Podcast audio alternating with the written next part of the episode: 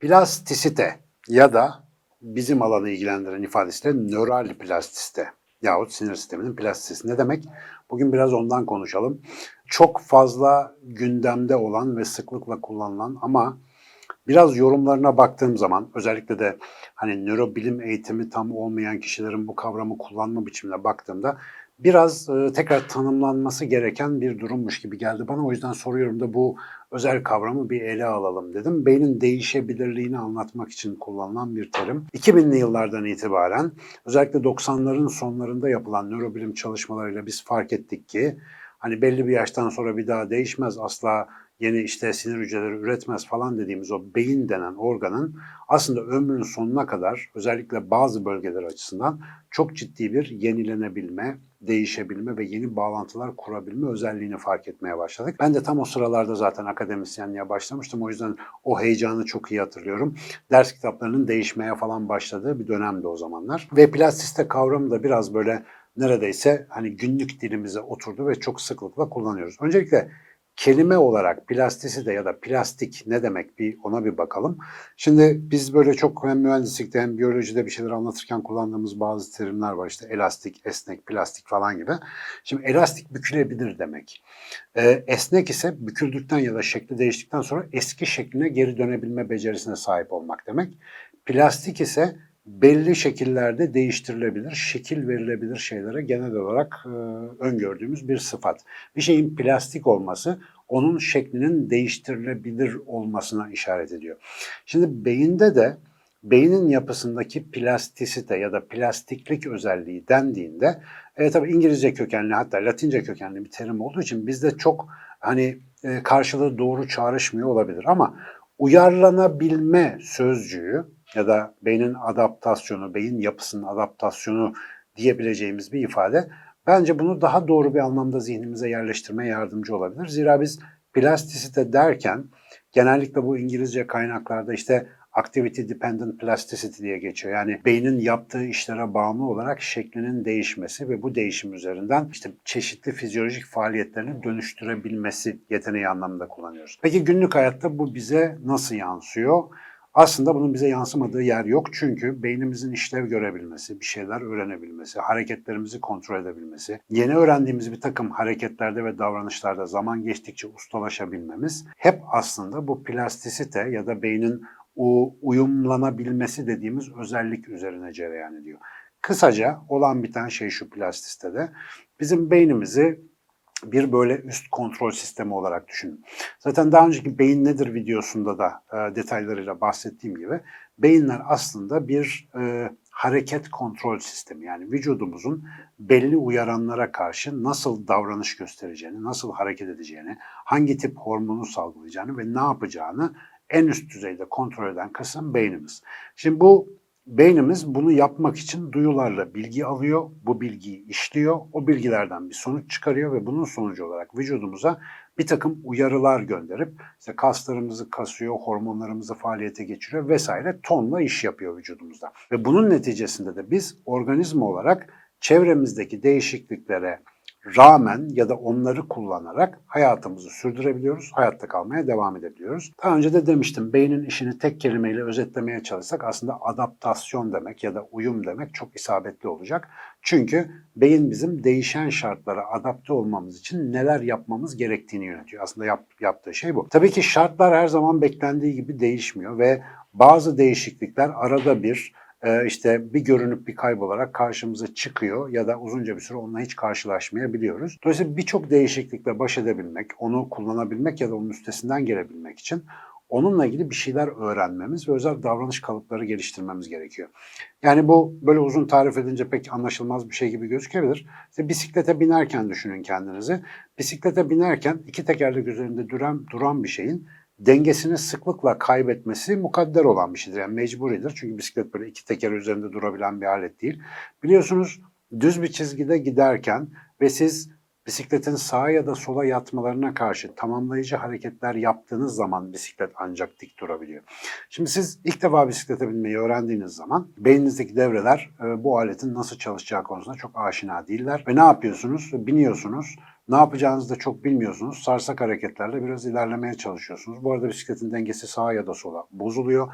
Siz onu nasıl düzelt- düzelteceğinizi çok iyi bilmediğinizden ya da bilseniz bile onu uygulama ustalığına sahip olmadığınızdan sıklıkla tökeziyorsunuz, düşüyorsunuz vesaire. Ama bir süre sonra ilginç bir şey oluyor.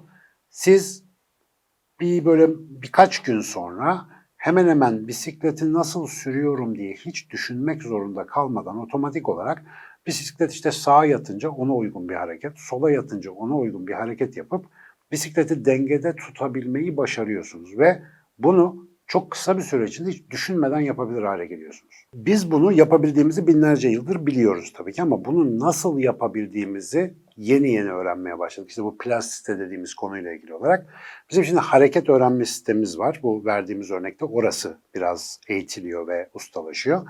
Fakat bu ustalaşma işi yani bilinçsiz olarak o hareketleri akışkan bir şekilde yapabilme işi bugün anladık ki beynimizdeki sinirsel devrelerin yaptıkça bağlantılarını ve biçimlerini değiştirmesiyle alakalı. Bizim beynimiz aktivite gösterdiği zaman, herhangi bir şey yaptığı zaman fiziksel olarak devrelerini uyarlayıp modifiye edebilen, yeni bağlantılar oluşturabilen ve varsa o işi yapmasını engelleyen eski bağlantıları da silip ortadan kaldırabilen enteresan bir yapıya sahip. Yani biz bisiklet sürerken, yürürken, araba kullanırken ya da daha karmaşık işleri yaparken, günlük hayatımızda aklınıza gelebilecek her türlü işlevi gerçekleştirirken beyin devrelerimiz devamlı fiziksel olarak değişiyor. Şimdi bunun çok enteresan anlamları var. Bir kere herhangi bir şey öğrenebiliyorsanız eşittir beyninizdeki bağlantılar fiziksel olarak değişiyor demek. Bu çok güzel. Demek ki eğer bir zihinsel hastalığımız, demans, bunama, Alzheimer hastalığı gibi bir durumumuz yoksa çok ileri yaşlarda bile bir şeyler öğrenebildiğimizi biliyoruz. Yani yaşlı insanlar da çok şey öğrenebiliyorlar. Hatta işte belli bir yaştan sonra müzik enstrümanı çalmayı öğrenenler bile var eğer çok azmederlerse. Dolayısıyla bu plastiste dediğimiz özelliğin sağlıklı bir beyinde ömür boyu sürdüğünü rahatlıkla söyleyebiliriz. Bir başka tarafı daha var. Plastistenin beni ve açık beyni çok ilgilendiren bir tarafı. Beyin madem her bir işi yaparken sürekli değişiyor ve değişmek zorunda. Yani faaliyeti beynin bağlantılarını değiştirebilmesine bağlı. Peki bu bağlantılar neye göre, kime göre değişiyor?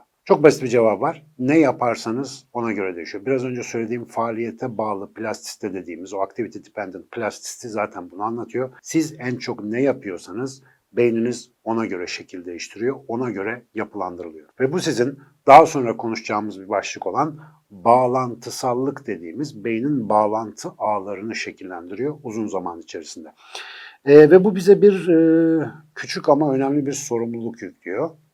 Beyin madem her şeyi yaparken sürekli değişiyor, onun nasıl değiştiğini, bağlantılarının nasıl kurulduğunu ve bu bağlantıları kurmanın temel kurallarını eğer temel düzeyde anlamazsak, bunu bilmezsek, beynimiz her halükarda kendine bağlantısallıklar, yeni bağlantılar falan oluşturacağı ve kafasına göre eski bağlantıları sileceği için eğer biz bu plastisite olayını ele almaz, ciddiye alıp üzerine eğilmezsek, dışarıdan gelen uyarıların yönlendirdiği bir hayat bizim beyin bağlantılarımızı kendisine göre şekillendirecek. Eğer biz beynimizin bağlantısallığını belli bir amaç, hedef, dert ve yol üzerinde inşa etmek üzere çalışmaz isek, yani konuyu biraz zorlamazsak, özellikle bu veri ve enformasyon çağında sürekli etraftan gelen bilgiler, yönlendirmeler, o cihazlarımızdan bize zırt pırt böyle ekrandan gözüken bildirimler sayesinde biz hep dış şartların gerektirdiği bir şeyleri yapan, o noktada faaliyet gösteren ve beyin bağlantıları sürekli onlara göre organize edilen insanlara dönüşmeye başlayacağız. Zira beynin değişebilirliğinin en önemli tarafı, adeta yakıtı faaliyetler. Yani ne yapıyorsanız ona dönüşüyorsunuz. Hatta sadece yaptığınızla da yetinmiyor beyniniz. Her tür düşünce kalıbı da beyinde bir devreyle yürütülüyor diye düşünecek olursanız ki öyle temel anlamda zihnimizde sürekli tekrar eden düşünce kalıpları da beynimizin bağlantısal yapısını doğrudan etkiliyor. İlginç bir şekilde düşünceyle şekillenen bir beynimiz var. Yani David Peate'in söylediği benim de sık sık alıntılamayı sevdiğim o güzel sözde olduğu gibi düşünmek bizzat düşüneni değiştiren fiziksel olarak değiştiren bir eylem. Hiç de öyle ne kara kara düşünüyorsun, kalk da bir şeyler yap dediğimiz kadar basit bir işlem değil. Bütün bu hikaye içerisinde madem hani bu kadar senedir beyin anlatıyoruz, açık beyin adı üstünde bütün beyin bilimlerini herkese açık seçik anlatmaya odaklanmış insanların bir araya gelmesiyle oluşan bir ekip. E, bu kadar beyin beyin dediğimiz yapının aslında temelinde bizim yaşamımıza, bizim düşüncelerimize, bizim faaliyetlerimize göre gelişen, şekillenen ve sürekli değişen bir yapısı var. Madem elimizde böyle plastik bir hamur var, hani böyle bir sıfır kilometre oyun hamurunu elimize verdiğinde böyle bir mıncıklıyoruz ondan bir şeyler yapıyoruz ya. Hani bu elimizdeki bu plastik donanımla, bu her şeyi öğrenebilecek ve çok enteresan açılımlar yakalayabilecek, kainattaki en karmaşık maddesel organizasyona sahip bu plastik cihazla neler yapacağımız aslında büyük oranda bize bağlı. Önce içsel donanımın, o düşünce döngülerinin bize yaptıklarını fark edip, sonra bize hal ve hareketlerimiz üzerinde yapacağımız çeşitli düzenlemelerle beynimizin bağlantısallığını yönlendirmek çok kolay. Son bir ipucu, beyin her ne yaparsak yapalım bağlantılarını değiştiriyor dedik ama özellikle beyinde bağlantı kurulmasını, bazı bağlantıların çok hızlı biçimde kuvvetli bir şekilde olgunlaşmasını sağlayan bir etken var ki bu genellikle hem eğitimimizde hem günlük yaşantımızda çok göz ardı ettiğimiz bir şey. Beynimiz bir konuyu ne zaman çok hızlı öğreniyor bir düşünelim. En hızlı öğrendiğimiz zaman ne zamandır? O konuyla ilgili çok aşırı bir merak ve duygusal ihtiyaç hissettiğimizde o konuyu isterseniz birileri öğrenmemizi engellemeye çalışsın. Bir şekilde hemen e, onu öğreniveririz. E, mesela işte Amerika Birleşik Devletleri'nde içki yasağı olduğu zamanlarda insanların evlerinde kimya laboratuvarı benzeri içki üretim merkezleri kurulması bundan. Bir şekilde insanlar o yasaklanan şeyi elde etmeyi arzu ettikleri için e, belki de okulda kimya dersinde falan filan berbat bir performans sergileyen birçok birçok kişi evine kimya laboratuvarı kurmak zorunda kalıyor. Duygusal olarak yeterince ihtiyaç gösterirseniz öğrenemeyeceğiniz hiçbir şey yok. Bu da bize beynin değişebilirliği hakkında çok önemli bir şey söylüyor. Eğer duygusal olarak bir konuya yeterince angajaysanız, yeterince arzuluyorsanız ya da yeterince korkuyorsanız onu çok hızlı bir şekilde öğrenmek üzere beyninizin bağlantıları bu duygular eşliğinde çok hızlı değişiyor. Dolayısıyla duygusal motivasyon beyin plastisitesinin ya da değişebilme kapasitesinin çok önemli bir zeminini oluşturuyor. Duyguların farkına varmadığımızda bir şeyi sürekli yapmak istiyorum ama bir türlü yapamıyorum şikayetleriyle neden bazı şeyleri öğrenemediğimizi bir türlü anlayamadan yıllar geçirebiliyoruz. Halbuki cevabı çok basit. Yeterince istemiyoruz. Yeterince arzulamıyoruz. Yeterince arzuladığımız şeyleri ise öğrenmemizin önünde hiçbir engel yok. Her zaman söylerim burada da tekrarlayayım. Hani biraz Sinan Canancasını soracak olursanız bu işin yani en fazla plastiseyi arttıran şey nedir diye sorarsanız ben aşktır cevabını veririm. Zira zor iş yoktur, az aşk vardır. Okullarımızda yıllarca İngilizce öğretemememize rağmen insanların İngilizce konuşan birine aşık olup da 3 günde İngilizceyi öğrendiklerini çok iyi biliyorsunuz. Dil öğrenme plastistenin en kompleks bir şekilde işe karıştığı konulardan bir tanesidir. Çünkü dil öğrenme beyin için çok masraflı bir şey ve çok bağlantı yapılması, çok yeni devreler oluşturulması gereken bir husustur. Bunu bile işin içine biraz aşk meşk girince, biraz tutku girince ne kadar hızlı yapabildiğimizi insan türü olarak çok iyi biliyorsunuz. Dolayısıyla plastisiteyi istediğiniz yöne yönlendirmek için istediğiniz yöne sağlam bir duygusal arzu duymanızı tavsiye edebilirim. Zira ben kendimden de bir örnek vererek muhabbeti kapatayım. Yıllar boyunca okulda zorluk çekmiş bir öğrenciyim. Yani herkes çalışırdı, matematiği, bilmem fiziği, tarihi, marihi çatır çatır sınavlarda cevaplardı. Ben bir türlü kafamda tutamazdım o bilgileri. Olmazdı yani. Bir şekilde bana e, öğrenilemez şeyler gibi gelirdi. Üniversite hazırlık kurslarında falan da çok zorlandım zamanında. Fakat yıllar yıllar sonra bir şey oldu. Ben anlatmaya karar verdim öğrendiğim şeyleri anlatmanın aşkı bir şekilde beni sardı ve şu anda da e, bu kameranın karşısında sizlere konuşmamı sağlayan şey aslında bu aşk hala çok şükür devam ediyor. Ve ben bu aşka düştükten sonra öyle bir şey oldu ki okuduğum her şey kafamda bir şekilde yer etmeye başladı. Çünkü artık bir motivasyon var.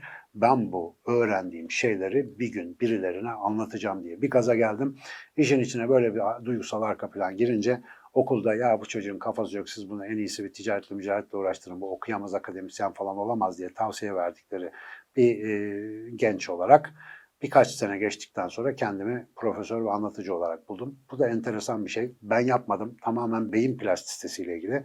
Ve siz de ömrünüzün bir yerinde uygun bir aşk bulursanız peşinden koşun. Sizi bambaşka bir hale getirecek. Çünkü siz beyninizsiniz. Beyniniz ise gayet plastik. Hayırlı bükülmeler, hayırlı değişmeler, hayırlı yeni biçimlenmeler diliyorum hepimize. Plastisiteyle kalın efendim.